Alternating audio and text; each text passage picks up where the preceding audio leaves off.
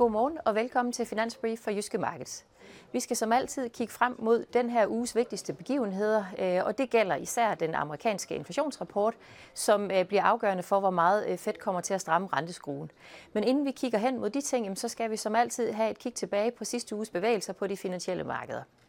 Og det var øh, efter to uger i træk med solide stigninger på aktiemarkederne, jamen så var det øh, sidste uge, der bød det lidt mere på en dans på stedet for, øh, for aktierne, kan man sige, selvom øh, de ledende aktieindeks på begge sider af Atlanten faktisk formået at vise øh, sådan små stigninger for ugen som helhed. Og det mest bemærkelsesværdige i den tabel, der egentlig er her, jamen det er altså øh, nok, at øh, renterne steg med næsten 20 basispoint på begge sider øh, af Atlanten. Øh, og det kommer altså primært øh, i fredags, de her rentestigninger på ryggen af den her meget stærke jobrapport, der var fra, øh, fra USA, øh, som jo er med til at lægge ekstra pres på Fed for at komme med endnu en renteforøgelse på øh, 75 øh, basispoint når de mødes næste gang øh, i starten af september.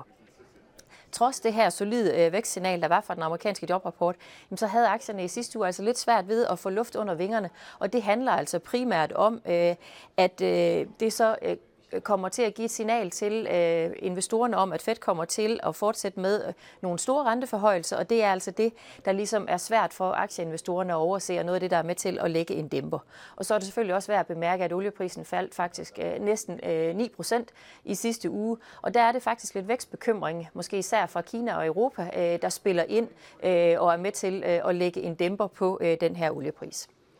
Hvis vi så vender os imod de her øh, temaer, jeg har valgt at tage med øh, i den her uge, jamen så skal vi faktisk lige øh, igen øh, hen og kigge på aktiemarkedet, fordi noget af det, der er rigtig interessant at følge, det er selvfølgelig, om aktiemarkedet kan fastholde de her stigninger, som vi har set hen over sommeren. Vi fik godt nok en lidt nølende start med en dans øh, på stedet her i august, men juli måned øh, var faktisk øh, nærmest øh, flyvende, kan man sige, og blev den bedste aktiemåned siden øh, vaccinemiraklet, som vi havde tilbage i november øh, 2020. 2020.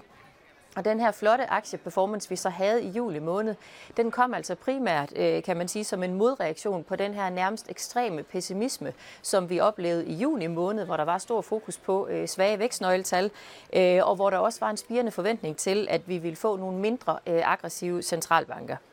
Regnskabssæsonen har været sådan øh, lidt op og ned, hvor vi både har haft nogle meget gode regnskaber, men også nogle meget dårlige. Øh, og der er stadigvæk en, en, en stor vækstnervøsitet, kan man sige, på de finansielle markeder. Men virksomhedernes øh, signaler om, så kan man sige, at den underliggende økonomiske øh, aktivitet øh, har, øh, har været øh, bedre end, øh, end frygtet, kan man sige.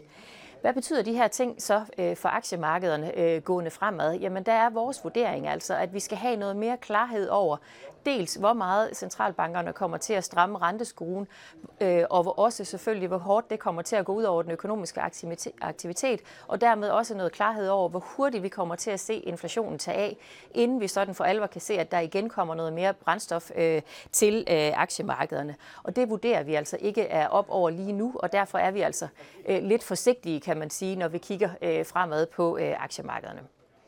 Hvis vi kigger på de her øh, begivenheder, der er i den her uge, jamen, så er der ikke nogen tvivl om, at den vigtigste begivenhed den kommer på onsdag, når vi får øh, inflation fra øh, USA. Øh, det er klart den vigtigste begivenhed i øh, nøgletalskalenderen i den her uge. Og den øh, dumper jo også øh, lige præcis ned i de her øh, forhold, som jeg var inde på før, der er med til at dominere øh, vores forventninger til øh, aktieudviklingen øh, gående fremad.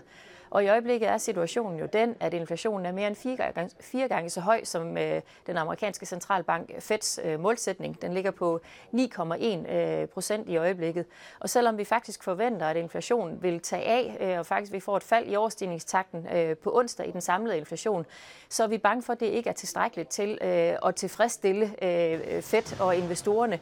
for dels så tror vi på, at den underliggende inflation faktisk kommer til at stige i juli måned, og dels så er vi bange for, at det kommer til at tage noget længere tid at få inflationen bragt ned på nogle niveauer, der kan give Fed ro i maven igen. Og det betyder altså også, at der stadigvæk vil være udsigt til, at Fed kommer med nogle store renteforhøjelser.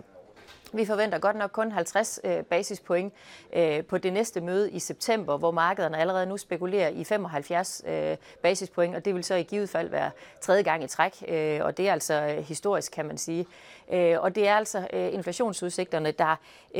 vil være med til at afgøre, hvor kraftig den her rentestigning kommer til at blive fra Feds hånd til september.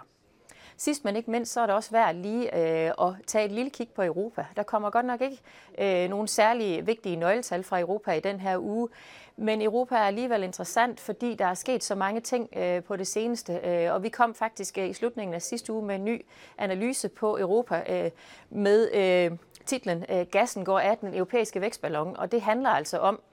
at vi øh, nu har nedjusteret vores forventninger til øh, væksten, og faktisk forventer, at Europa vil gå i en mild recession øh, i de kvartaler, vi har hen øh, over årsskiftet. Og det, der altså er øh, udslagsgivende her, jamen det er altså den her energikrise, især Europa befinder sig i i øjeblikket, og hvor Rusland jo har øh, lukket ned for store dele af naturgasforsyningen.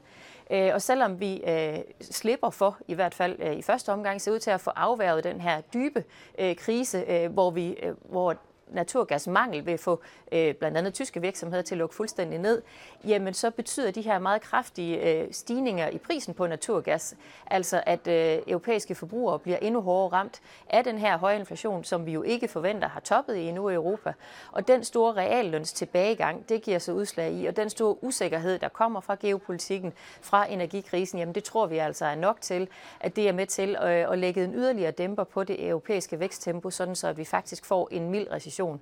Og da inflationen øh, desværre ikke har toppet endnu, jamen, så sætter det selvfølgelig ECB i et meget svært dilemma. Og vi forventer altså, at inflationen kommer til at vægte højst øh, her i de kommende måneder fra ECB's hånd. Og det betyder altså også, at vi øh, forventer, at der kommer yderligere en stigning, en renteforhøjelse på 50 basispoint på det næste møde, som også er i september, og yderligere stigninger resten af året, inden vi så forventer, at ECB går på pause ind i 2023, når recessionen er blevet en realitet i Europa. Heldigvis forventer vi, at det bliver en mild recession af slagsen, men ikke desto mindre tilbagegang i økonomien. Det var, hvad vi havde valgt at tage med i Finansbrief for i dag. Tak fordi du så med.